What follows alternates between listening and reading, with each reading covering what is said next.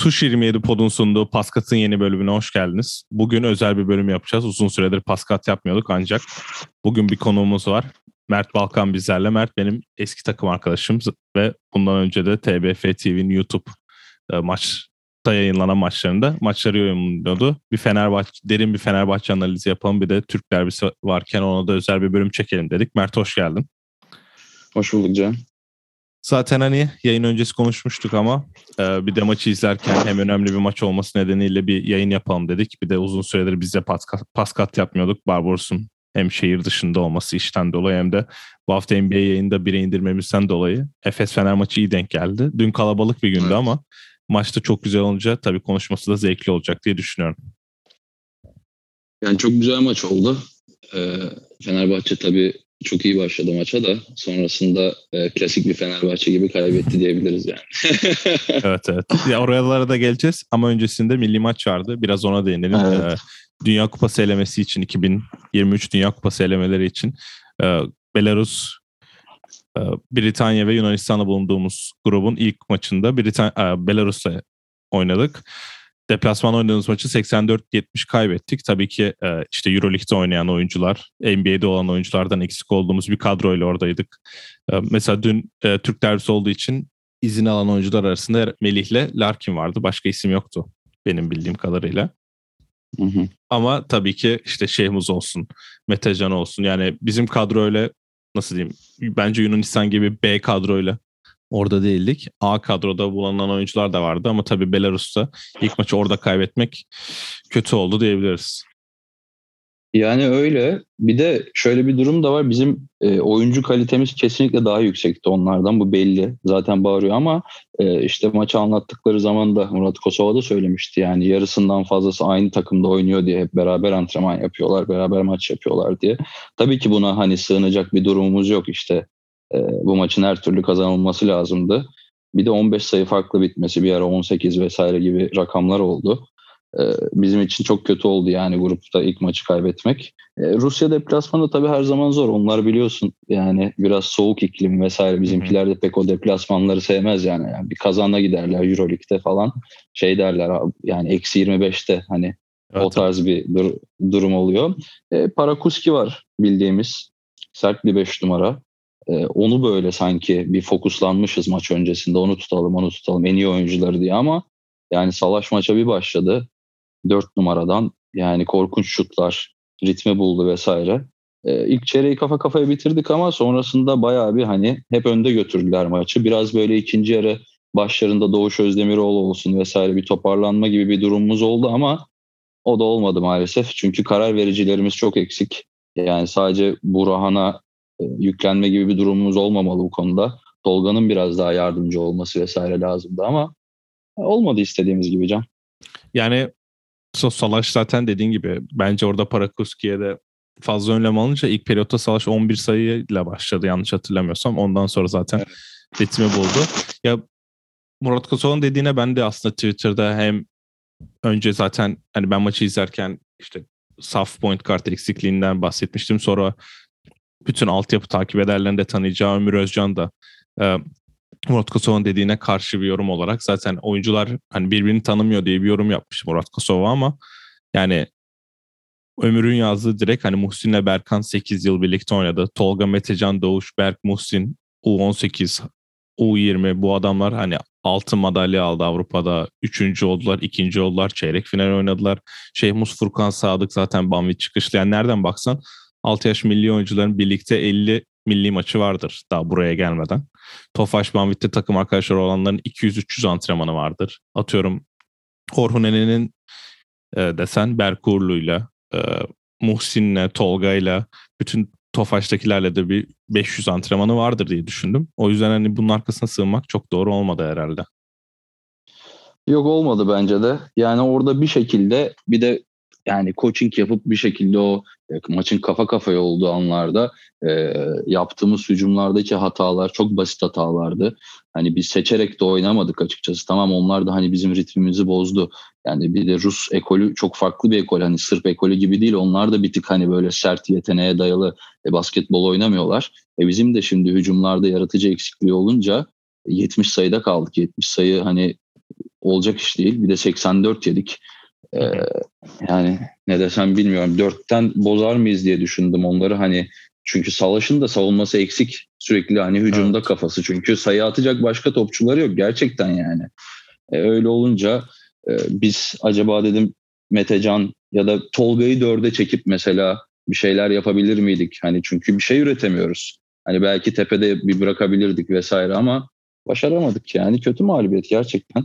Ee, ya evet burada sonra... asıl sürpriz zaten e, pazar günü Britanya ile oynuyoruz. Britanya dün Yunanistan'ı yendi. Tabii Yunanistan direkt B kadrosuyla sahaya çıkıyor ama yani iki maçlar sonrasında bir olası bir Britanya mağlubiyeti üstüne e, Yunanistan da kaybederse Belarus ve Britanya tepede olacak. Buradan geri dönüş de o kadar kolay olmaz. Yani zaten bu Euroleague ile FIBA olmaz bir de bunları çok çözemedi. Hani kim nerede oynasın. Bence bu biraz saçma oldu çünkü. Yani sonuçta bu kadro atıyorum biz Türkiye yarın e, yani Dünya Şampiyonası yarın olsa bu kadronun yarısı olmayacak. Yunanistan aynı şekilde. Belki Belarus hani Britanya herkesi toplasan onlar olmayacak ama elemeleri bu oyuncuların oynaması biraz saçma geliyor bana. Evet yani bir de Yunanistan'da e, dün özellikle hani kaybettikleri maçta bence yani takımdaki 12 kişi de olmaz. Yani öyle evet. söyleyeyim. Öyle bir B kadroyla oynuyorlar. Şimdi koskocaman bir hani Yunan ekolünden bahsediyoruz. Adamlar yani 12 tane farklı oyuncuyla çıkmak zorunda kalıyor. Hani bunun neresinde adalet var? Ee, yok tabii. Ama evet. yani bunları bir orta orta yolu bulmaları lazım. Böyle gitmez çünkü yani. Bütün dünya basketbolu burada hani belki Antetokounmpo'yu izleyemeyeceksin yani. Öyle de bir durum olacak. Aynen öyle. Ee, yani burayı da kapatırken şöyle bir dipnot geçeyim. Şu an önüme geldi. Basketbol arsızı Miloš Teodosic burada da dün Sırbistan formasıyla 21 sayı 9 asist yapmış. Euroleague olmayınca öyle, tabii bir tık son, daha rahat oldu. Son topu izledim bu arada ben. Yani son çeyrekte biraz bakınabildim. Ee, yani işte 100-100 berabereydi maç. Ee, saçma bir foul çaldılar vesaire Sırbistan'a. Ee, Jagodic koruyucu attı sanırım. Ee, İkide bir attı. İkincisini hatta şey dedi Teodosic kaçır dedi bilerek. Ee, işte bir sayıyla maçı kazandılar. Öyle yani. Sırplar Letonya'da zor da, da olsa Kuruc, kazandı. Pasechnik, Serkes yani bütün NBA'ye giden oyuncular Tabii, oynamış. Lomaş da oynadı. Hatta bayağı iyi oynadı. Bir de 33 atmış e, Lomaş. Yani e bir de şimdi Pesic antrenör oldu orada biliyorsun. Evet. Yani o da bir o da bir soru işareti çünkü yani Kokoşkov'dan sonra koskoca Sırbistan milli takımı bir de bu maçı kaybetseydi e bir de içeride oynuyorlar. Hani aslında bir uğursuzlukları da kırdılar yani çünkü kötü gidiyorlardı Kokoşkov'la. Ya orada olimpiyata katılamamak büyük eksi bundan sonra bence burada dünya şampiyonasına kalındıktan sonra zaten işleri çözerler de yok hiç gelir mi orayı bilmiyorum biliyorsun o zaten. Evet onu da ben sana soracaktım yani olmuş. gelirler mi? Gelirler mi acaba? Hani Bielitsa da pek hani normalde tercih etmiyordu da en son sefer geldi diye hatırlıyorum. Ya onlar olimpiyatta direkt oynamak istiyor. Amerika gibi aslında yapmak istiyor NBA oyuncuları Hı-hı. da. E, olimpiyata gidemediler. Gelmedi yok. Geçen sene gitseler Aa, hadi ben geliyorum. Hani elemede oynamadım ama olimpiyatta oynarım demek biraz ayıp oluruz sanki. Ama MVP olmasına rağmen Sırp, Sırpları biliyorsun bayağı tepki gösterdi yok içi. Evet. Ama sanki dünya şampiyonasına gidilirse ben Sırbistan tam kadro gitmesi bekliyorum. Çünkü Amerika'da eğer zayıf kadro gelirse yani 2019'da gördük İspanya şampiyon oldu. Sırbistan'da bir süredir başarısızlığı var diyebiliriz. Hani olimpiyatta bir ikinci ikinciliği olması lazım 16'da sanki. Ondan evet, beri evet, var. Hani ben hani bir altın madalya için tam kadro gelirse büyük adaylar olur eğer Amerika'da zayıf kadro gelirse. Ama ben şöyle bir şey diyeyim Amerika'nın zayıf kadro geleceğini de düşünmüyorum bu sefer.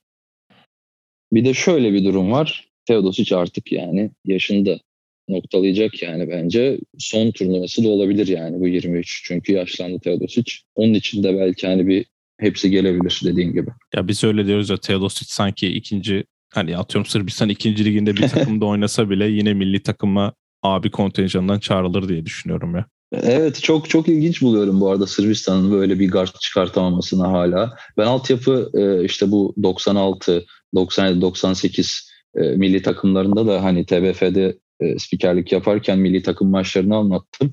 Yani hiç öyle yani gelen bağıran bir guard da yoktu. Yani bir işte e, Ilya Djokovic vardı. Stefan Peno vardı. Stefan Peno Alba Berlin'de falan oynadı. Hatta Barcelona'ya gitti ilk başta sanırım. Olmadı. Alba Berlin'e falan transfer oldu ama beklenen şey gelmedi Peno'dan. Biraz böyle hani e, çok yetenekli bir oyuncu değil ama hani e, Stefan Jovic tarzı böyle hani boş şutu sokayım. Biraz daha oyunu oynatayım vesaire. Öyle bir guardtı. Ama o Teodosic yeteneğinde e, bir şey çıkmadı Sırplarda. O Peno sanırım U20 için Turgut Atakol'a geldiğinde bize Ege Hafsa'nın olduğu sene olması lazım. Ben onları izlemeye gitmiştim Olabilir. o zaman Barcelona'daydı zaten galiba. Aha, 97'li olması lazım Peno. 96'lılarla evet, evet. da ilk, ilk 5 çıkıyordu o zaman. Bizim Konya'da düzenlenmişti turnuva. İşte Okbenlerin, e, Egemen Güvenler'in hani şampiyon olduğumuz Hı. kadro. E, orada da Stefan Peno vardı. Hatta hani bir iki tane de iyi oyuncuları vardı. Stefan Lazarevic'ti kaptanları. Şu anda e, Kızı Yıldız'da oynuyor Stefan Lazarevic de. Fena da değil yani. Çok böyle sert bir e, oyuncu Stefan. Evet deyip Efes Fener maçına geçelim. Evet bayağı kaldık burada Sırplara falan evet, da Evet Sırplara gelince. ligde oynanan maçı Fenerbahçe'nin çok rahat kazandığı derbide Euroleague'de ilk kez karşılaştılar ki 12. haftada e, Fener buraya 3-8 gelmişti. Efes yavaş yavaş galibiyet serisi, 3 maçlık bir galibiyet serisiyle Ataköy'e gelindi. Maça baktığımızda da Fener'in gayet iyi başladığı, e, bazı maçlardan daha ters bir şekilde bence Fener'in biraz tempoyu başlarda kendisi için daha fazla zorladığını görüyorum ki Anadolu Efes tempolu basketbol en oynayan takımlardan biri diyebiliriz. Özellikle rakiple tempo yapmak istediğinde Efes'in işte 100 187 falan kazandığı maçlara çok alışkınız. Özellikle şampiyon olduğu ve ondan önceki Covid sezonunda. Ama Fener de bence yakalamışken ben de tempo yapayım diyerek 18-6 yapmıştı yanlış hatırlamıyorsam. Sonra Efes'in evet, 14-0'lık bir serisiyle ilk periyoda Efes önde kapattı. Sonra Fener ikinci periyotta e, tekrardan sazı eline aldı ve zaten maçta şöyle devre arası olduğunda bizim yazışmalarımıza da baktım şimdi. Hani böyle bir basketbola Efes'in maçın içinde olması çok büyük bir sıkıntı Fener adına. Çünkü Efes'in yaptığı hatalar zaten top kayıplarına İhsan Bölken ve İsmail Şenol her zaman çok değindi maç esnasında. Mitch için herhalde en kötü Euroleague maçlarından biri olabilir. Son 6-7 dakikaya kadar oynadığı basketbol cidden çok kötüydü. Daha sonra yine Fener bence Veseli'nin liderliğiyle çok büyük bir iş yaptı. Sonra da maç sonunda da e, bir seriyle tekrardan Efes son periyoda 33-17 ile kapatarak maçı da kazanmış oldu diyerek istiyorsan biraz hani bu maçın başlarından başlayalım. Benim en çok dikkatimi çeken olay maçın hani tekrarında ben bir tek son periyot tekrar izledim. Bütün maçı hatırladığım kadarıyla ya bu Polonaro sahaya girdiğinde Fenerbahçe başka bir takım oluyor. Maçın başlarında Polonaro'nun kullanımı ve kullanılmaması ile ilgili sen ne düşünüyorsun? Önce öyle başlayalım. Ya işte bütün medya organlarında falan bir Polonare bir garezi var herhalde tarzı yorumlar yapılıyor şeyin Georgievic'in. Ben bunu işte dün arkadaşlarımla maçı izlediğimde sana da sorayım ayrıca bunu Can. Ee, hani mantık yürütüyorum sürekli böyle hani Georgievic'e bir karşı tavır almaktansa Şimdi bir 5 var takımda. E, fakat bench'ten enerji getirebilecek bir oyuncuya ihtiyacı vardır her zaman basketbol takımlarının. Yani kenardan kim gelecek bize bir şey katmak için? Diyorum ki Polonare 5 oynatsa, ilk 5 oynatsa. Hani kenardan nasıl bir enerji kazanabilir Fenerbahçe? Kimle yapabilir bunu? Ya bende bu soru işareti sürekli var. Hani kim getirecek? Var mı kafanda biri senin mesela? Bir kere yani Veseli Polonara başında bence zaten domine ederek başlı. Büyük ihtimalle domine ederek başlıyorsun. Veseli zaten dün de gösterdi farkında. E Booker'ı böyle kullanan bir oyuncu Booker'ı yani bu Booker'ı böyle kullanan bir oyuncu. Kenardan gelen Booker'a da o senin istediğin rolü verebilir ya da Guduric dekola başlatmak zorunda da değil. Onlardan bir tanesi kenardan geldiğinde e, bence daha fazla efektif olabilir. Bir de bence Booker böyle bir basketbol oynuyorken Polonar'ın başlamaması biraz ayıp gibi geliyor bana da artık. Yok çok çok katılıyorum sana dediğine. Ben hani ekstra diyorum ki Fener'de bir tane iyi guard olsa ya da hani e, başka bir sisteme geçse Fener. Dekolo 1 işte tamam bunu konuşuruz faydalanamıyoruz Dekolo 1 oynayınca vesaire ama ben Pierre Henry'nin kesinlikle 5 başlamaması gerektiğini düşünüyorum. Eğer Polonara'yı çekeceksek yani e, Henry ve Booker yani aynı böyle birbirleriyle uyumlu bir basketbol, koş koş basketbolu dediğimiz tempolu basketbolda faydalı olabilecekler. Ama ben Fenerbahçe'nin maça böyle başlaması gerektiğini düşünmüyorum. Biraz da hani e, akılcı bir basketbolda ilerlemesi gerektiğini düşünüyorum. Biraz daha yavaş. Neyse dün hani bu çok tutmadı açıkçası hani benim dediğim şey. Biz dün çok iyi başladık. Çok iyi başladık derken Can hani e, ekstra iyi hücum ettik diye bir şey yok. Bir tane Pierre Henry'nin elinde patlayan top var. Zaten iki salise kala falan fırlattı topu. Üçlük oldu. Şayok bir zorlama üçlük attı. Dekolo attı. E bunlar olurken 5 dakikada 15 attı Fenerbahçe. Öbür Evet. tarafa bakıyorsun. Dekolo köşe şey pardon Bobo, Boboa iki tane kaçırdı köşeden üçlük. Yani normalde Boboa bunları sokar ve boştu. E, sokamayınca bir 10 sayılık 12 sayılık fark oldu. Veseli'yi aldı kenara. Veseli'yi aldıktan sonra zaten Efes öne geçti 18 10. Öyle bir şey oldu. E sonra Evet, Veseli'yi moladan sonra mola aldı biliyorsun. Veseli'yi aldı oyuna. Ben her zaman takılırım böyle şeylere. Ne kadar hani Veseli sıcak da olsa maça 5'te başlasa da kenardan gelen bir oyuncuyu e, ilk topu ona kullandırtmam. Yani ilk şutu ona attırmam ben. Hani bir pozisyon boş geçsin, bir ısınsın maça. Veseli oyunu aldı. Hemen Veseli bizi kurtar şutu geldi bir tane. Kaçırdık. Boba ilk üçlüğünü attı ve e, 14-0'la Efes kapadı çeyreği. Evet şimdi bakıyorum hatta tam dediğinde 18-6 yapıyor Henry. Ee, Mo- burada Muerman elinden almıştı galiba. E, Muerman eline boş turnike atmıştı yanlış hatırlamıyorsam. 18-6 yaptı Henry. Sonra Veseli'ye e, Miçic foul aldırıyor. 3.44 kala Veseli oyundan çıkıyor. Skor 18-6. Sonra üstüne Larkin basket foul. E, Muerman Muerman turnikesi. Ondan sonra yine Larkin. Yani böyle gide gide 18-20 oldu zaten. Senin de dediğin gibi Veseli 53 saniye kala giriyor. Yani burada tam 3 dakika geçmeden 2 dakika 50 saniyede e, seri verdi Fener. Sonra da dediğin gibi Bobo'nun üçlüğüyle bitti. Ya burada Efes zaten kötü üçlük atarak başladı. Efes'in geçen sene özellikle Ataköy'de oynanan maçta Ataşehir'de pardon. Ataşehir'de oynanan maçta Efes'in muhteşem %50 üçlük attığını biliyoruz. Miç için şov yaptığı Evet. maç olması lazım o. Hani burada girmeyince tabii Efes'in basketbol üçlük yüzdesiyle bayağı bağlantılı oluyor. Oynadıkları stilden dolayı ama hani yavaş yavaş sanki Efes burada seri yaptığında hani Efes'le ortak oluyor. Burada daha iyi oynamak lazım mesajından sonra. Bence Polonara'nın bulduğu üçlükler var ikinci periyotta. Hücum reboundlarında ben çeyrekte, evet. Evet ikinci çeyrekte pardon. Ben hücum reboundlarını çok efektif buldum Fenerbahçe'nin ki son periyot tekrar izlediğimde dikkatimi çeken şey e, zaten Polonara'nın tip basketiyle başlıyor. Fark 11. Sonra onlar Dans'ın e, 4 sayısıyla yavaş yavaş gelirken Larkin'in teknik faulü var 71-60'da. E, Dekolo'nun yap- yaptığı faulde Larkin iki kere suratına dirsek atıldığını söylüyor ki bir tanesi temiz ikincisinde e, Dekolo böyle topu çekerken dirseği tam çenesine denk geliyor. Ondan sonra ki asıl olay da bence çok küçük bir olay olarak gözükebilir de 71-60 yapıyor Dekola teknik faulde. Guduric yanlış hatırlamıyorsam kaçırdığı üçlükte Tarık pot altına bomboş tipi kaçırıyor. Evet ya 13 olsa hani orada. Evet orada farklı bir- 13 olmayıp top dönüyor. Miçic'in üçlüğü var bir tane. Larkin'in turnikesi var. Bir tanesi kendisi üçlük kaçırıyor. Tarık kaçırıyor. Miçic'in üçlüğüyle fark 7'ye iniyor. Orada yavaş yavaş Efes'in geldiğini hissediyorsunuz ki hoca da hissetmiş. Orada Veseli'yi oyuna alıyor. 6 dakika 23 saniye kala. Sağdaki 5 Veseli, Şayok, Henry, Guduric, Polonara. Yani burada Dekolo hariç, Dekolo hariç maçı bitirmesini başka oyuncu kenardan getirmezsin diye düşünüyorum ben. Yani anlattın bayağı güzel anlattın maçı. Ben sadece hani yoldan geçen birine e, basketbolu sormak istiyorum. Böyle diyeceğim ki e, Pierre Henry, Dekolo, Guduric, Polonara ve Booker var. Son bir dakika kala 5. Evet. evet. Bu okey bir 5 değil mi? Yani Veseli çünkü 5 dedi ve çıktı. Hani Henry Garden, Dekolo Guduric, Polonara, Booker. Bu sorun yok bunda. Bir dakika kala e, nasıl hücum ediyor Fenerbahçe? Pierre Henry ve Booker Aliyuk deniyor. Alley-oop pası, Yani- evet. Yani Can hani bu 5'te en son bu iki kişi varsa topu kullanacak Pierre Henry ve şey Booker. Evet. Dekolo, Guduric, Polonara'dan bir hücum beklersin. Yani koçun burada nasıl müdahale etmediğini yani inanamıyorum gerçekten o kadar büyük bir yani Fenerbahçe camiasında böyle ve bu bir ilk sefer olan bir şey de değil. Sürekli maç sonlarında Pierre Henry'de topun patladığını mı desem yoksa hani o mu vermek istemiyor? Yani kötü niyetli demek istemiyorum Henry'e ama Fenerbahçe daha akıllı oynaması lazım. Yani Guduric veya Dekolo'nun da orada e, bu takımın hani lideri biziz ya da yaratıcı oyuncuları biziz.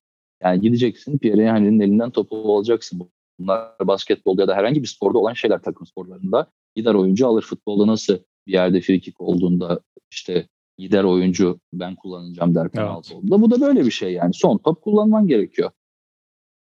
Ya burada hem Fener bu reaksiyonu veremedi hem de reaksiyon olarak karşında baktığında işte bu Veseli girdikten sonraki olayda hemen Larkin üçlü üstüne top çalma üstüne Mich, için üçlü var. Burada zaten ikisi bence yani bu iki yıldız. Hani biz maçı almaya geliyoruz mesajını verdi. Burada sonra Şayok bence çok iyi bir maç oynamışken maç sonunda dediğin gibi ben daha fazla belki yani şey yok 18 sayı atmış.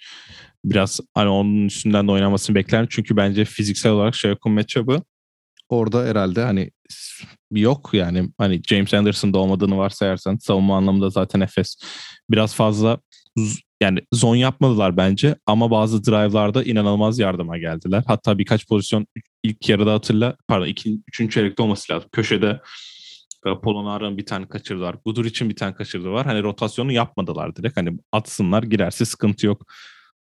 Rotasyonlarını da yaptılar ama sonra Veseli'nin bir smacı var. Hatta potada asılı kaldı. Hatırlarsın 81-73 evet. yapan. Orada Veseli smacı yaptığı an çünkü Singleton orada handoff bile yapmıyor da hamle yapıyor ve geçiliyor. Orada direkt e, Singleton'ı oyundan çıkarıp Moerman'ı sahaya ittiğini görüyorsunuz Ergin Ataman arkadan. O smacın üstüne Larkin'in bir tane üçlü var. Oradan sonra bence zaten Moerman'ın girmesi biraz oyunu değiştiriyor. Moerman Plyce'la birlikte hem fiziksel olarak hem de pota etrafında bir tehdit oluşturuyor. Sonra Veseli'nin bence orada tekrar izlerken ben dikkat ettim. Bence orada bırakması lazımdı Moerman'ı. Foul yapmasına gerek yoktu ki. Zaten evet. bu takımın Veselisiz ne kadar kötü oynadığını gördük ki zaten. Daha ilk periyotta 14 sayı seri verdi. Pardon 16 sayı seri verdi. Veseli orada çok saçma bir şekilde 4 foul'ü varken 5. foul'ünü yaptı. Ama onunla da şöyle bir e, ben izlerken not almışım. Larkin'in yani köşedeler bunu sana soru olarak getireceğim şimdi. Larkin'in tek köşede olduğunu düşün. O forvetten Miçic ile Muarman pick and roll oynadı. Booker e, Muarman'ı savunuyor. Booker kaleci olarak savundu Muarman'ı. Henry de Larkin'i savundu. Booker kaleci olarak savunduğu için o top Larkin'e döndü. Larkin fake atıp içeri çevirdi topu.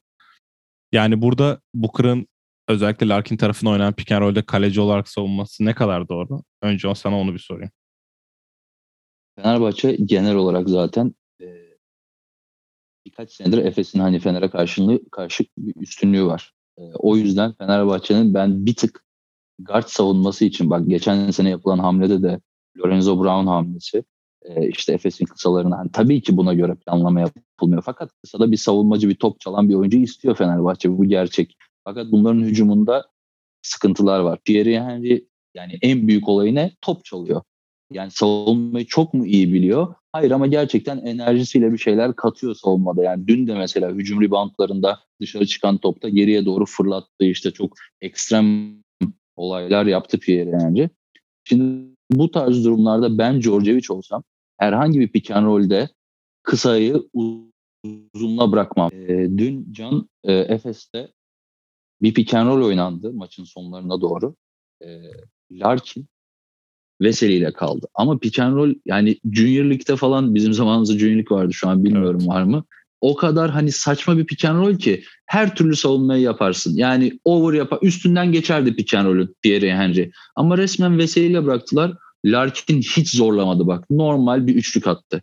Onun evet, sonrasında evet. Booker'la kaldı. Zaten hani Booker'ı böyle hani sallana sallana geçti. Turnike attı. E Larkin turnike attıktan sonra Efes 85-84 öne geçti. Sonra ne oldu? Guduric hani son bir buçuk dakikadan bahsediyorum. Bir içeri drive etti ama pas çıkarttığında yarı sahaya gitti top. Polonara ile hani bir topu böyle tutmaya çalıştılar. Olmadı. Son üç ucum Can. Ee, bir tane Aliyup var. Okey. Şeyle Henry ile evet. e, Booker'ın. Sonrasında Gudur için top kaybı var ve e, neden mola alındığını alınmadığını bilmiyorum. E, maç 3 sayıyken Dekolo'nun e, 22 ya da 20 saniye kala denediği bir 3 sayılık atış var. Maç 3 sayıyken. Ya ben şimdi, şimdi burada direkt dur dur üçlü önce üçlüye gelelim. O üçlüyü sana soracağım çünkü. Ben screenshot'ını da aldım. Şimdi dur bakıyorum hemen. Ee, foul oluyor. Moerman pardon Miçic'e foul yapılıyor burada. Rebound üstü Miçic hmm. Bu Larkin işte sonra o top kaçıyor. Maçın bitimine 18 saniye var. Tepede çift screenle oynanıyor. Solda Booker, sağda Guduric. Sola gidip Larkin de arkadan yetişmeye çalışıyor. Dekolo için bence boş bir üçlük sayılabilecek bir üçlük bu. Evet. Ama girmiyor tabii. Girmediği için haksız sayılıyor koç da. Ee, yani mola alınsa zorlama bir üçlük atılsa yani ne bileyim burada mola sanki çok Dekolo'nun eline bırakmak topu ayıp mı yani şu an? Yok. Ben de hani tek böyle pozitif savunulacak yanı şu. e, işte moladan sonra belki Ergin Ataman foul yapın diyebilirdi. Hani bunu evet. da gözü almak lazım. Yani ben akan oyunda mola almadan işte tepe pikenrolüyle bir tane aslında çok force etmedi şutu. Hani dediğin gibi bir tık boş şut yani. Bu evet. şey Dekol onu soksa hani çok farklı bir şey olacaktı. Ki zaten Djordjevic e, her zaman yani bulunduğu takımlarda bir şekilde hani yıldızlarla beraberdi. Sırbistan milli takımı olsun, işte Bologna olsun. Yani Bayern Münih'te kısa dönemde o kadar yoktu okey. Ama orada da Stefan Jovic vardı. Hani yine güvendiği bir kendi memleketinden işte bir Sırp oyuncu vardı. Hep böyle bir e, sistemi vardı Georgia için. Burada da yine Dekolo'ya hani özgür bir şekilde o şutu at dedi. Ya olmadı yani tam tersi olsa hani Bologna'da Teodosic atıyordu bunu. Hani e, sokmayınca da bir şey diyemiyorsun yani sokamayınca. Çünkü Dekolo da hani e, CSK deplasmanında biliyorsun şov yaptı yani son 2-3 dakikada e, maçı kazandırdı. Yıldız oyuncunla da kaybettin diyebiliriz yani. Tabii ki koçluk büyük sıkıntılar var hani konuşabiliriz onu da ama dünün özelinde e, bizim oyuncular yani Fenerbahçe'nin oyuncuları e, Dekolo Guduric son böyle 2 dakikada 3 dakikada sazı eline alması gerekirken saçma hücumlar yaptık. Henry de patladı vesaire. E, zaten biliyorsun mola dönüşü var bir de e, Pierre Henry'e üçlük attırdı e, Djordjevic. Onu hatırlıyor musun bilmiyorum. Evet, Son evet. E, 20 evet bir de öyle bir durum var. Yani Fenerbahçe çok iyi yolda değil. E, burada tabii eleştirilmesi gereken sadece koç da değil. Çünkü koç da hani takıma sonra katıldı. Ben de hani biraz Djordjevic'e gelelim istiyorum maçı bitirirken. E, sürekli böyle eleştiriyoruz koçu ama koç da e, ona kurulu bir ya da onun kurduğu bir kadroya gelmedi. E, elindeki hani bir kadro vardı Fenerbahçe'nin. Djordjevic'i son anda getirdiler. Bu arada sizin de programınız dinledim. Sanırım Maci Özkas'la yaptınız Twitter'daki evet. bir kullanıcı adıyla. Mert de onun da adı sanırım. Evet, evet. E, o programı da dinledim. Yani Can e, Ekim ayında yapıyorsunuz sanırım programı. O zaman yok Ekim miydi ben mi yanlış hatırlıyorum? Eylül. Euroleague, ma- Euroleague maç, ilk maçından 3 gün önce mi öyle bir şey yapmıştık. O zaman evet, Eylül 1 Ekim'de başladı sanırım. Tamam, aynen. 20 Eylül. aynen. Yani o zaman bile hani sen işte Mert e, diyorsunuz ki bu takımın bir guard ihtiyacı var. E, ben hani off the record olmadığı için söyleyeceğim bu olayı. Zorlu Center'da yürüyordum yazın. E, Sertaç Komsoğlu'nu gördüm. Gerçekten yaşanmış bir olay. E, ben de hani Fenerli olduğum için gittim Sertaç Bey'in yanına. Dedim ki ya hani bir guard lazım değil mi? Aynen cevap şu oldu. E, ya işte guard guard deyip duruyorsunuz. Garda ihtiyacımız yok. İşte Dekolo var, Buduric var vesaire falan ama hani bu öyle bir şey değil maalesef. Hani her geçen maç buna ihtiyacı olduğunu Fenerbahçe'nin görüyoruz.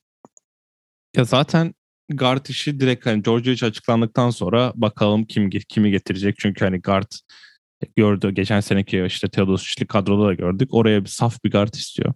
E zaten bizim o yayında da dediğimiz gibi bu adam başarısız olsa yarın mesela hani Efes maçı dün bitti. Bu bugün takım off ve Sertaç Sertaç Bey ofisine çağırdı. Djordjevic'den durum değerlendirmesi istiyor. Yani ilk cümlesinde Djordjevic e, bu takım ben kurmadım ki derse nasıl bir cevap al, al, alınacak? Yani hiçbir cevap yok burada. Ve Fener evet rekoru şu an 3-9 olabilir. Burada kaybedilen maçlara baktığında zaten Panathinaikos son top, Olympiakos son top, Barcelona direkt son top, Real son top. Hani 4 maç. Her şeyin evet. e, hani 7-5 de olabilirdi şu an ama tabii ki böyle işlemiyor basketbol. Ben ayrılacağını da düşünmüyorum. Hani Efes maçında kapatırken şöyle diyelim. Bence sonda kendi adına sahada bıraktığı 5 oyuncu Veseli de yokken orada birkaç hataları vardı özellikle.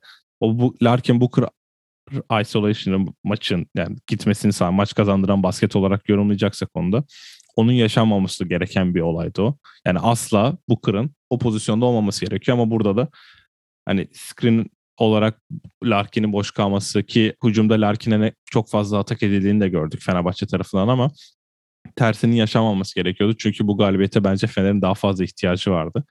Büyük ihtimalle e, yani 11 Aralık'ta bir Galatasaray derbisi var. Oraya kadar kalır mı bilmiyorum da onun da mağlubiyetiyle Georgievic'le yollar ayrılır gibime geliyor ve bu saatten sonra Georgievic kendisi ayrılır mı bilmiyorum. Çünkü hem kendisi kurulmamış hem de başarısızlığa giden bir durumda e ben yapamıyorum diye bırakmaz. Özellikle bu kadar ego olarak oyunculuğunda böyle şeyler yaşamış bir adamın ben yapamıyorum diye bırakacağını düşünmüyorum. Evet katılıyorum. Ee, dün de zaten maç sonunda bilmiyorum sen hani e, gördün mü oraları ama e, Djordjevic'i taraftar bayağı bir ıslıkladı. E, fakat Djordjevic e, içeri girdikten sonra takımı da alkışladı. Yani Fenerbahçe taraftarı gerçekten hani basketbolu çok biliyor Can. Hani bu konuda e, yani yüzde yüz eminiz. Şimdi ben de e, maçı kapatmadan son bir şey söylemek istiyorum. Obradovic mesela 5 e, kısa oynattığı zaman oldu değil mi? Hani Kalinic'i 5 numaraya çekti. Geçen e, şimdi Fenerbahçe maçı inanılmaz bir maç bu arada. İnanılmaz. Evet. Şimdi koç olarak e, bir şey yapman lazım. Neden bir şey yapman lazım? Son çeyrek 10 sayıyla öndesin. Ve biri sana böyle hani e, gerçekten böyle kamyon ama 200 ile falan geliyor yani. Belli Efes çünkü sokmaya başladı. 3 3 çeyrek sokamadı Efes yani gerçekten. Gerçek Efes gibi sokamadı. Yoksa hani e, standart bir şekilde ilerledi okey. Ama son çeyrek bu kadar şutu giren bir takım ritmi almışken senin orada bir şeyleri değiştirmen lazım. Artık ne yaparsın bilmiyorum. Koç olan hani Djordjevic işte Van Baksa mı dönersin Larkin'e? Ya da ritimlerini düşürmek için biraz daha sert mi oynamaya karar verirsin? İşte Booker'ın ayakları yavaş sürekli e, switch olduğunda e, geçiliyoruz ya da şut yiyoruz mu? Booker'ı çıkartabilirsin oyundan. Beş kısaya dönebilirsin. Ama Djordjevic'te hiçbir şey yok. Yani Efes'in bir molası var. 3 sayı öndeyken Efes. Son hmm. şey 20 saniye kaladan bahsediyorum. Zaten iki kez Ergin Ataman aynı seti, seti çizdi şey. E, Bielitsa'nın sanırım e, basket attı Obra, Obradovic'in çizdiği evet, Barcelona yapacaklar diye set. tepede Moerman'ın son adam olarak Moerman. yaptırdı direkt. Aynen. Şimdi iki kez aynı seti yiyoruz. Ve moladan sonra Georgievic'in e, bir surat ifadesi var ağzında okuyabiliyoruz zaten. Come on guys diyor. Yani hani neyin come on'u Georgievic? Hani 33-17 son çeyrek bitiyor ve hiçbir şey yapmıyorsun. Bayağı koça yazar. Tamam hani kısaların da sorunu var. E, maç onlarla bitiyor ama koça yazar yani mağlubiyet. Evet yani Efes tarafında diyecek çok bir şey yok. Zaten 4 maçlık e, seriyle biraz da eski hallerine dönmeye başladılar. Sağda kazandıkları maçta bile o mesajı o ile basketbol yokken bence bu 4 maçlık seride biraz eski Efes'e dönmeye başladılar. Fener tarafına da geçecek olacaksak hani biraz daha ileri bakarken şimdi maçlarını da hemen açayım. Ben şöyle bir şey bekliyorum. O 5 kısa senin dediğine göre. Ee, tabii adamın adını unuttum. 4 numara Kanadalı. Dechampierre. Pierre'in olmadığı hı hı. bir maçtı. Ve hani Pierre'siz bence zaten Fenerbahçe çok ileri gidebileceğini düşünüyorum. Çünkü Pierre'in getirdiği o bu Draymond Green tarzı bir basketbol her maçta ne gerekiyorsa onu yapıyor. Sayı gerekiyorsa sayı, rebound rebound. Hani Pierre'in 4. Benim o yayında da dediğim gibi hani Pierre 4, Şayok 3, Dekolo 2, Henry 1 veya işte Veseli ya da Polonara hani ya da Veseli Polonara artık kim oynarsa birlikte oynayabilir diye düşünüyordum ama Şayok'u niyeyse hiç, hiç 3 numarada düşünmüyor hoca. Yani uzun süreler boyunca ara ara bazen deniyordu. Şimdi önde de e, haftaya Monaco ile oynuyor içeride. Bence kesin kazanılması gereken maç. Çünkü sonra Zenit deplasmanı. Sonra içeride Maccabi Baskonya var. Hani Zenit'e gitmeden önce Maccabi mağlubiyeti de ay pardon Monaco mağlubiyeti gelirse sanki Zenit maçına koç aranır mı? Yoksa Zenit'te de mağlup olunursa zaten o Galatasaray maçına da denk geliyor tam 11 Kasım. 11 Aralık. Yani, yani fikstür e, zorlu fikstür. E, zaten Monaco'da sanırım şu sıralar kötü gidiyor. E, gerçi bu akşam içeride Asfel'le oynuyorlar. Hani e, Asfel'de de bayağı eksik var. Bir ritme girebilirler. Mike James de çünkü kötü oynuyor son maçlarda. E, bir de bizim maçta da yani benim içgüdülerim bize bayağı bir 25 falan atacak gibime geliyor. E, Şayok konusuna gelirsek e, ben maalesef hani kısas yapmak istemiyorum ama geçmişe döndüğümüzde Can hani bir düşünelim senle. E, Nanili geldiğinde mesela post-up'ı yoktu. Yani Nanili öyle bir oyuncu değildi e, Obradovic zamanında. Obradovic farklı bir seviyeye getirdi. E Kalinic çok mu hücum silahı vardı Kalinic'in? Evet. Kalinic de post-up oynamayı öğrendi. Şimdi sen koç olarak burada e, Şayok sanırım 2-0-2, 2-0-3 falan Şayok sen evet. daha iyi bilirsin. Şayoko, Şayoko orada bir şey çizmen lazım. Yani çizdikten sonra artık tepede iki tane e, kısa birbirine pik yapar, biri drive eder, biri şuta mı gider. Hani hücum varyasyonlarından konuşuyorum. E, bunları artık katman lazım. Bunun dışında e, bir de kulüp olarak bence Fenerbahçe'nin e, sürekli kötüye gittiğini görebiliyoruz son zamanlarda. Oyuncu transferleri ve basketbol şeyi olarak söylüyorum. Aklı ee, Yani basketbol aklı olarak. Şimdi geçmişte bakıyoruz. Şimdi Obradovic varken Nanili sanırım İtalya sayı kralıydı ben yanlış hatırlamıyorum. Evet, evet, Nanili geliyor. E, şimdi e, Andrew Godluck geliyor. Godluck zaten inanılmaz saf skorer yani. Godluck onun için gelmiş. Yani belli. E, Vanamaker'ı alıyorsun. Vanamaker'ın e, Brose basket geçmişi var. Trinkieri vesaire. Melli. E, oradan yine bir basketbol bilgisi var. Ricky Hickman geliyor. Hickman işte David Blatt, Maccabi. Hep bir basketbol aklı var burada görüyorsun. Hani tabii ki hüsran vardı. İşte e, şey geldi. Draft bir numarası Bennett geldi evet. Fener'e. E, olmadı. E, Tyler Ennis geldi. Tamam sakatlandı. Hani böyle şimdi hakkını yemeyelim Tyler Ennis'in ama tutmadı bir şekilde. Ama iki senedir yani kabul edilebilir gibi değil. Lorenzo Brown yani Final Four'a çıkan, her sene Final Four'a çıkan bir Fenerbahçe ülkenin gardı olamaz. Yani olmamalı. Hani Kız Yıldız şu an gördüğünüz gibi Unix kazan. Hani daha çok böyle koş koş basketbolu. İşte Thierry Henry e, şeyin Baskonya'nın o tarz basketbol oynayan bir gardı. İşte Booker, Shayok. Kyle Quinn geldi geçen sene. Ee, bir, bir dönemde olsa hani odan da çok verim alamadık. Zaten Perez'i konuşmak istemiyorum. Alex Perez. Evet. Yani Fenerbahçe tarihinin en kötü transferlerinden biri. Ve bu hani son olarak söylemek istediğim bence şu an Fener'in kesinlikle mesela bir şutör eksikliği var. Bağırıyor bence bu. E, acaba Edi tutulabilir miydi? Ne diyorsun bu konuda? Evet biraz oraya geliyor cidden. Hani sahada izlediğin zaman Edi tarzı bir oyuncunun eksikliği belli oluyor sonuçta.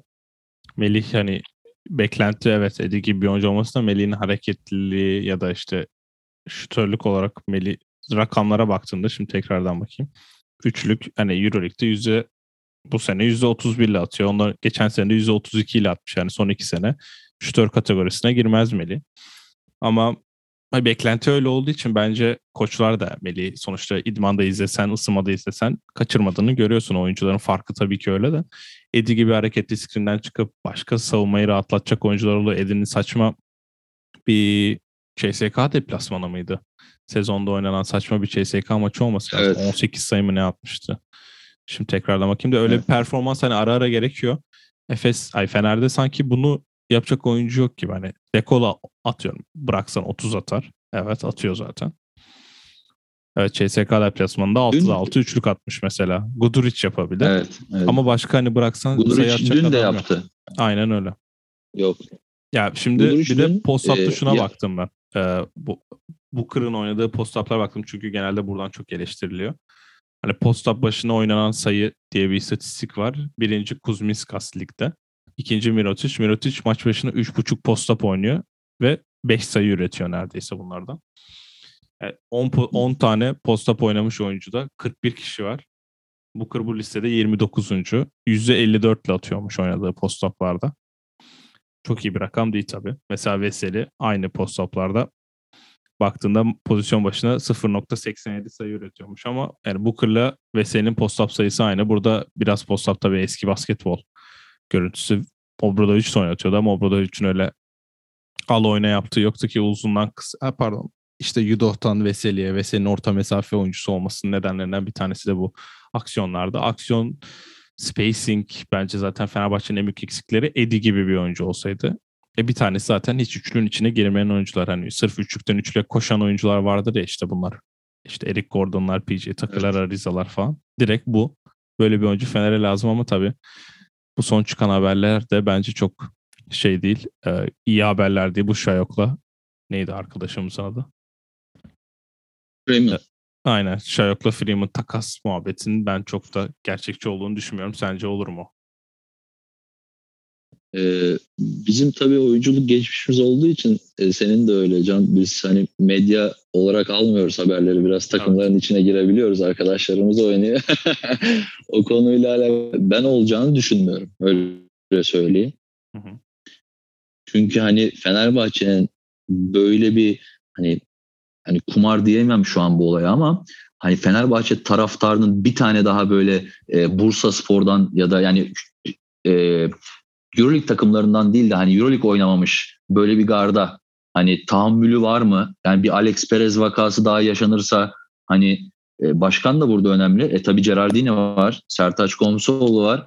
Hani büyük bir e, risk diye düşünüyorum. Derya yanına erkeğe. E, sene başında alsa Evet yani sene başında alabilirdin bu riski Can. Hani e, bunun için böyle atla deve değil yani. Djordjevic sen Avrupa tarihinin en büyük guardlarından bir tanesi olarak ya kardeşim benim burada hani point guard'ım eksik bir tane oyun aklına ihtiyacım var. Belki Pierre hani işte 10 asist 15 asist vesaire yapıyor olabilir ama yani 4'e 5 hücum ediyorsun. Çünkü e, zaten Pierre Henry'nin şutunu boş bıraktığında iki adım geriden savunuyorlar. E, hiçbir tehdit oluşturmuyorsun. Bütün hücum aksiyonları bozuluyor bir yerde Henry'nin pick and roll'üne gelirse.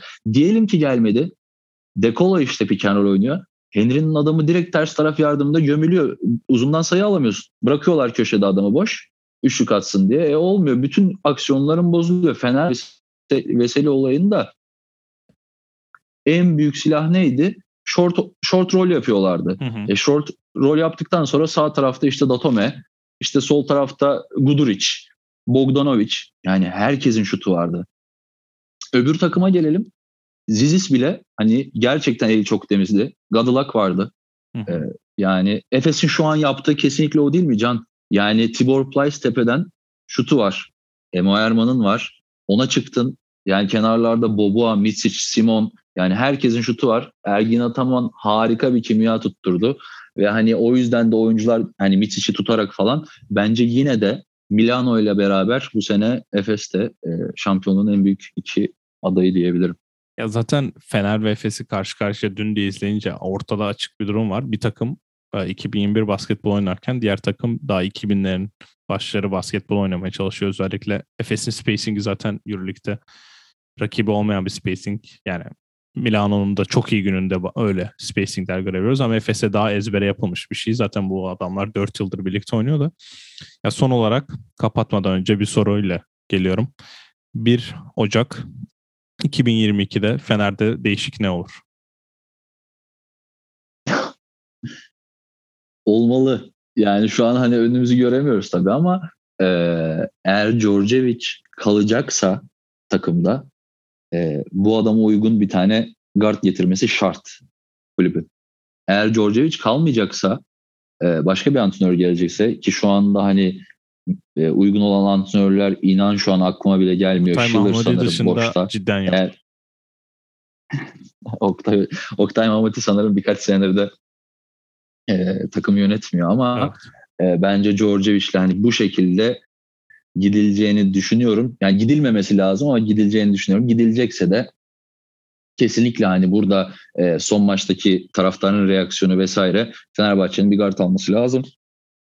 E, bence e, bir de eğer varsa bütçesi bir 5 numarada alması lazım diye düşünüyorum. O Bartel'den çıkılırsa olur gibi. Onun dışında ben uzun guard transferi bence yapılacak kovulmadan önce.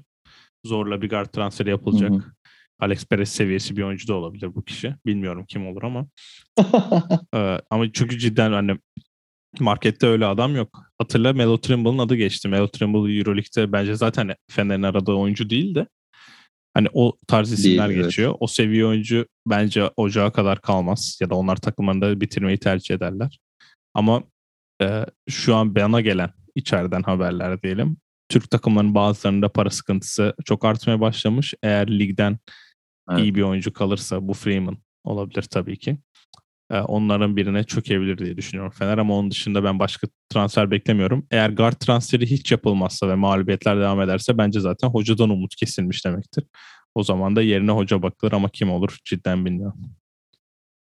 Bir şey daha, ben, bunu da ben sana sorayım. Sence Fener buradan e, bir guard transferi ya da bir hoca değişikliği olursa e, playoff'a kalma şansı var mı yoksa sence sezon bitti mi? Yani bitti demedi bit oldu mu mesela? Hani şampi derler ya evet. bit oldu mu sence? Bence bit kesin oldu. Çünkü zaten şu an 3-9 hani arada 3 galibiyet fark var.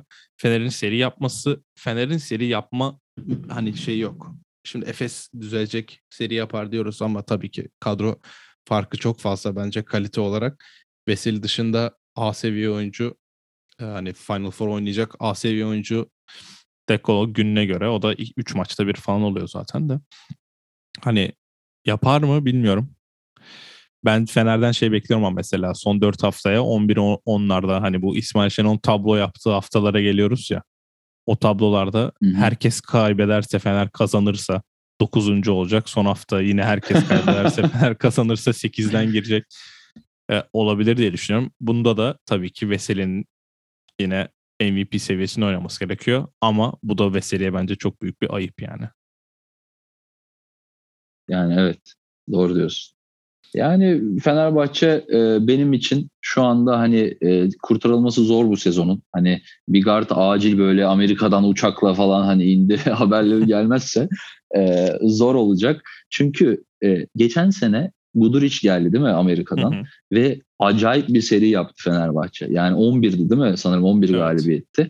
Şimdi şöyle bir durum var. Bunu sen de bilirsin. Hani Guduric mesela şu an o seviyede değil. Yani geçtiğimiz sene geldiği zaman bu adamın e, Amerika'da antrenman yapması hani bu kadar mı önemli? Çünkü evet. Guduric yani bir şeyler yapardı. Bir fake'ler atardı. içeri girer işte kuvvetliydi, şutu sağlamdı. Şu an mesela onu göremiyorum. Surat ifadesinde de yok o. Yani Can Hani evet. dün bir ara işte 7 sayı üst üste, üst üste attıktan sonra molaya gidilirken bir yumruk sıktı bir surat ifadesi yaptı ama yok yani hani sürekli kendini ritme sokmayı bekleyen bir oyuncu. O da o her zaman olmuyor tabii. Aynen öyle. Zaten o da bence yavaş yavaş biraz Bence bir süre sonra bu babaların 30'ar dakika oynadığı dakikalara e, maçlara geleceğiz. Orada da Guduric'in ben hafif tempo tutacağını düşünüyorum. Daha hiç 30 dakika oynamamış mesela bakıyorum. Yavaş yavaş bence etkisiz oyuncuların bileti kesilecek en azından sağ içinde deyip kapatıyorum. Djordjevic kovulursa, bir koç değişikliği olursa tekrardan tabii ki senle bir kayıt yapacağız. Öncelikle davetimizi kabul edip geldiğin için teşekkür ediyoruz. Ben teşekkür ederim. Ee, son bir söz ekleyeceğim e, Fenerbahçe ile ilgili. E, bence sezonun sonunda e, geri dönüp baktığımızda bütün taraftarlar şunu diyecek. E, Henry yerine İsmet'e şans verilseydi böyle mi olurdu diyecekler. Bu da soru işareti. evet ben de demin baktım İsmet 3 maçta oynamış sadece. Bence yavaş yavaş onun da süresi gelecektir. İnşallah gelir en azından Umarım. görmek gerekiyor. Yani herkese şans verilecek haftalar geride kaldı ve kötü geçildi ama yavaş yavaş Efe hani Fener düzelirse en azından playoff potasını zorlaması güzel olur diyorum. Bizi dinleyen herkese teşekkür ediyorum. Bir sonraki Paskat yayında görüşmek üzere. Hoşçakalın.